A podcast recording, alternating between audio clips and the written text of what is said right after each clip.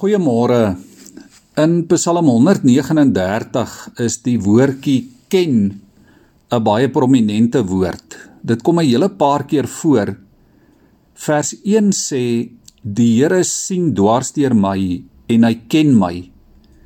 Vers 2 sê hy ken my sit en my opstaan en hy ken my gedagtes. Vers 3 hy ken al my paaie vers 4 Hy ken elke woord op my tong nog voor ek dit sê. Vers 23 Hy ken my hart. Die Hebreëse woord wat Dawid hier gebruik is die woord yada en dit beteken baie meer as die Afrikaanse woord ken. Dit verwys na 'n innige persoonlike verhouding tussen twee mense nie in die sin dat hulle net kennisse is van mekaar nie of dat hulle net weet van mekaar nie maar dat die een regtig by die ander se lewe betrokke is.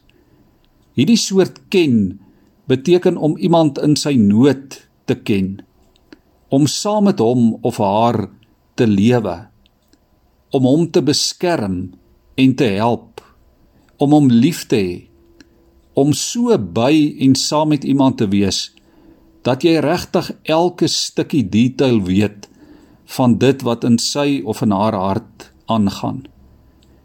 Dit is in werklikheid onmoontlik vir mense om mekaar so te ken. Maar dis nie vir God onmoontlik nie. God ken sy kinders so. Hy weet presies tot die fynste detail wat in jou hart en in jou lewe aangaan. Hy ken jou liggaam, Hy ken jou siel, jou gees. Hy weet wat jy fisies en emosioneel en geestelik ervaar. Die Here ken jou pyne. Hy ken jou vrese, jou drome, jou vreugdes. En die Here het jou lief. Juis omdat hy jou so goed en deur en deur ken, het hy jou meer lief as wat enige mens jou ooit kan lief hê. Met 'n ewige liefde tot in die fynste besonderhede van jou alledaagse lewe ken die Here jou. Hy ken jou sit en jou staan. Hy ken jou gaan en jou lê. Hy ken die mees basiese alledaagse gewone dinge wat deel is van jou lewe. Ja, die Here ken dit. Soos wat Dawid hier sê, hy ken jou sit, hy ken jou staan, hy ken jou gaan, hy ken jou lê. God is by jou in dit alles. Hy is by die huisvrou in die kombuis as dinge vir haar te veel word. Hy is by die kleintjie wat op die mat sit en speel.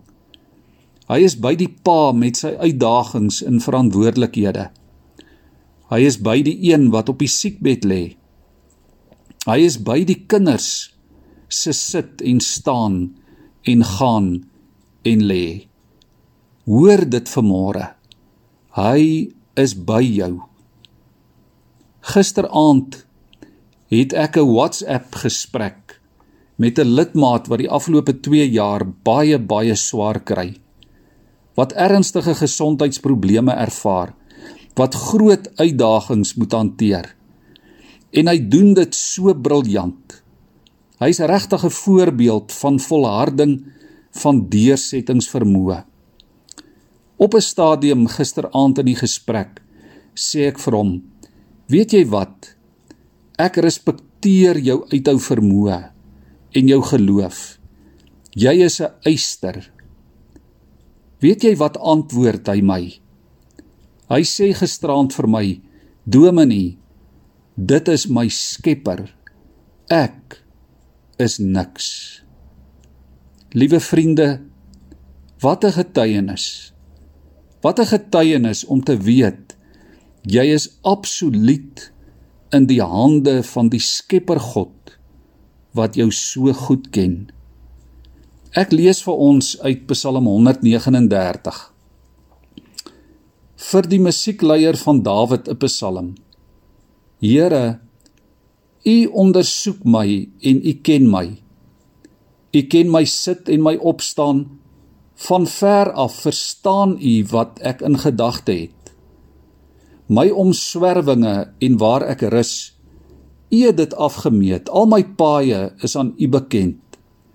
Ja, daar is nog nie eers 'n woord op my tong nie of U Here ken dit volledig. Van agter en van voor omsluit U my. U plaas U handpalms op my. Om dit te verstaan is 'n te groot wonder vir my. Dit is te hoog. Ek kan dit nie begryp nie. Klim ek op na die hemel, U is daar. Gaan lê ek in die doderyk, ook daar is U. Neem ek die vlerke van die daaraad, gaan woon ek by die einde van die see. Ook daar sal U hand my lei en U regterhand my vashou. Ons buig ons hoofde in gebed voor die Here.